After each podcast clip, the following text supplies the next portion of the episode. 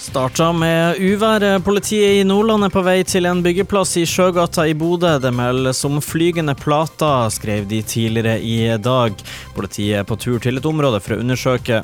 Det ble først meldt at platene kom fra arbeid på et tak. Politiet kom senere med en rettelse og forteller at det er snakk om eh, fra byggeplassen på det nye hotellet som bygges i Sjøgata.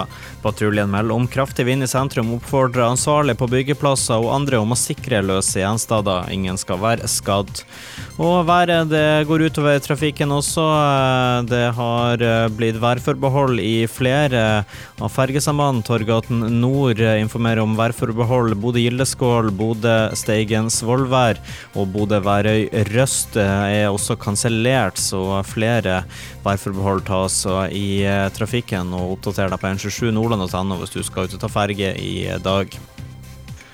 Politiet har gjennomført kontroll på fv. 835 Mortenrans-Forsand i Steigen med operasjonssentralen ved Nordland politidistrikt fredag morgen. Resultatet ble ett stykk forenkla forelegg til en sjåfør som ble målt til 112 km i timen i 80-sona. Onkel Rikard melder på Twitter at vedkommende trolig var en del av supportergruppa Glimt i Steigen på tur til Milano for å få med seg AC Milan mot Bodø-Glimt.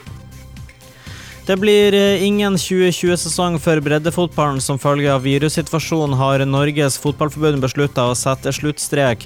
Beslutninga kommer etter en lengre tid med usikkerhet og diskusjon rundt hvorvidt det ville være smittevernmessig forsvarlig å tillate trening og kamper for breddelagene. Norges Fotballforbund har jobba med å få gjennomført en svært forkorta sesong med tilpassa turneringsformat. I det ramma bl.a. Junkeren og Glimt-rekruttene i all norsk tredjedivisjon samt Grann og Innstranas damelag i andredivisjon. Og amerikanske Moderna, som er blant de ni legemiddelselskapene som er i sluttfasen av vaksinetesten, har som første selskap offentliggjort sine testplaner.